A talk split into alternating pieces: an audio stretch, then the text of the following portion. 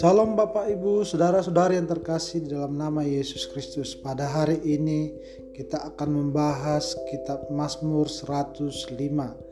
Tetapi hanya beberapa ayat saja yang saya akan bacakan. Mari Bapak Ibu mendengarkannya kiranya Tuhan yang menuntun kita sehingga kita mengerti akan kebenaran firman Tuhan yang kita dengarkan pada pagi hari ini.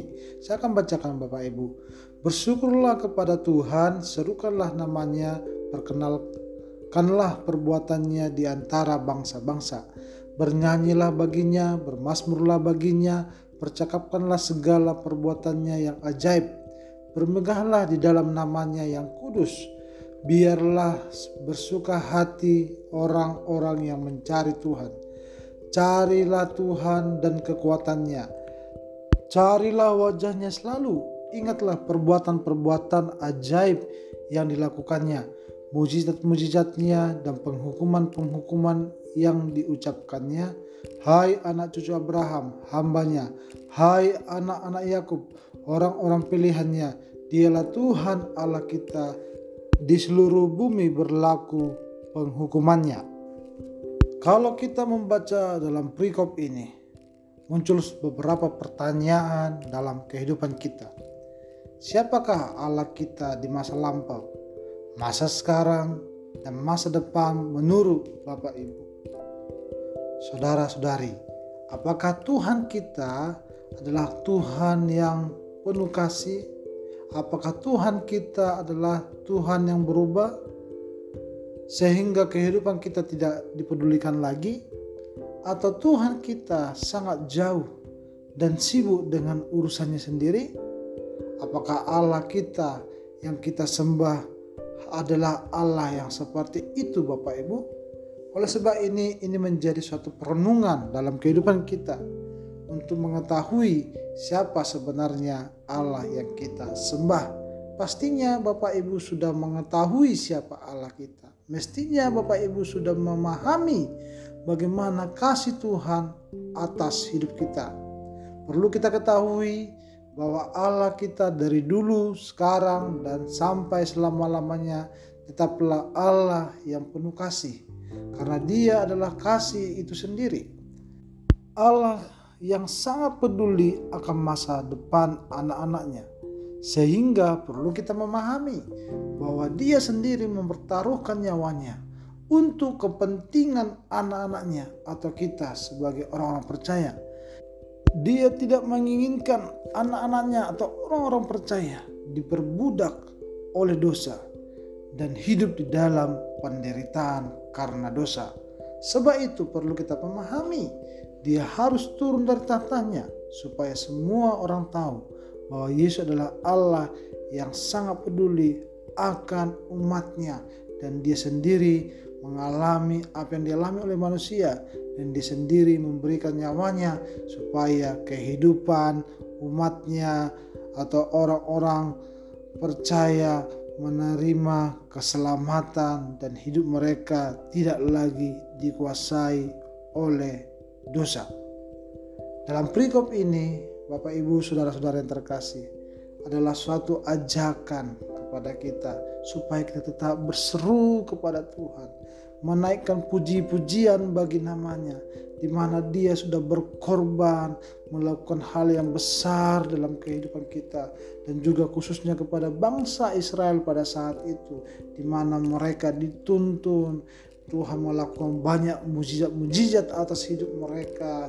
Mereka benar-benar diberkati oleh Tuhan. Anak-anak mereka diberkati oleh Tuhan. Seharusnya bangsa Israel harus memberikan puji-pujian bagi Tuhan.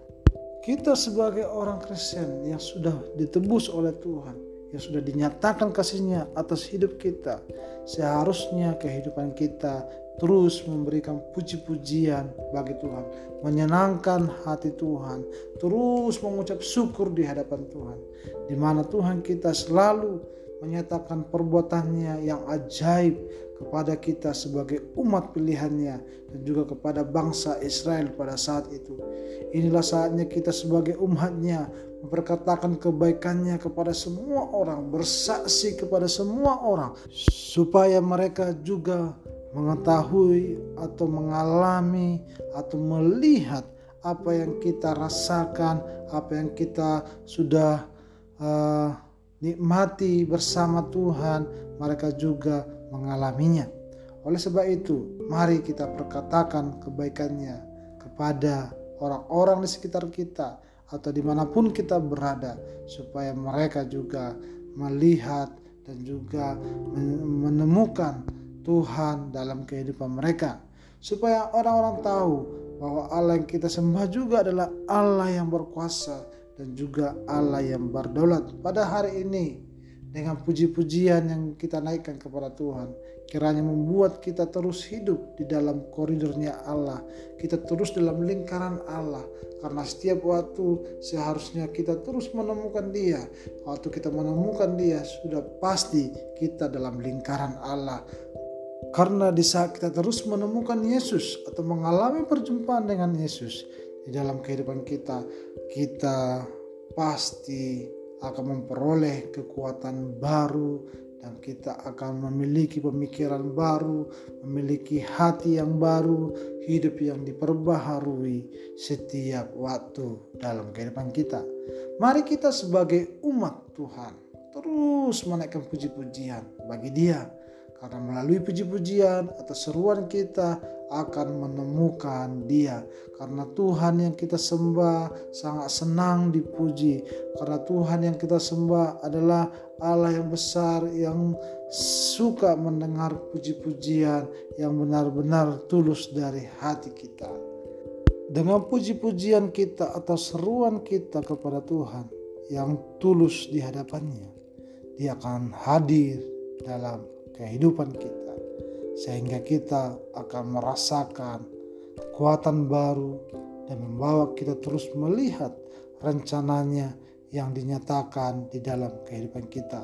Pada pagi hari ini, Bapak, Ibu, saudara-saudara terkasih, kita sebagai orang percaya atau anak-anak Allah, teruslah memberikan puji-pujian, teruslah berseru kepada Tuhan Hal itu menjadi sikap kita sebagai orang-orang Kristen yang selalu bersyukur di hadapannya karena kita tahu perbuatan-perbuatannya yang tidak terhingga atas kehidupan kita dari dulu, sekarang, sampai selama-lamanya. Kita juga akan semakin yakin kepada Tuhan Yesus karena kita selalu dikuatkan melalui puji-pujian kita.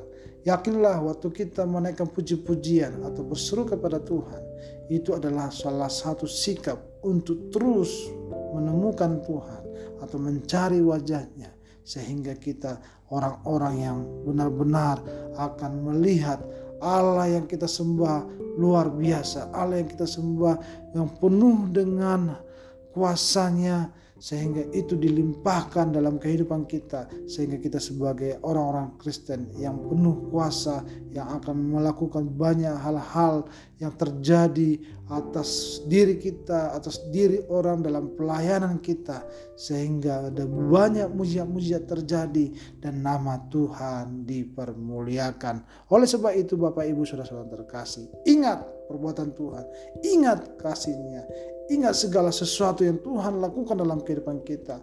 Oleh sebab itu, kita terus menaikkan puji-pujian, kita terus mengucapkan mengucapkan syukur di hadapannya dan kita tidak akan bersungut dalam menjalani kehidupan ini, tetapi kita akan terus selalu mempercayai Dia dalam segala tindakan kita. Mari kita berdoa di hadapan Tuhan.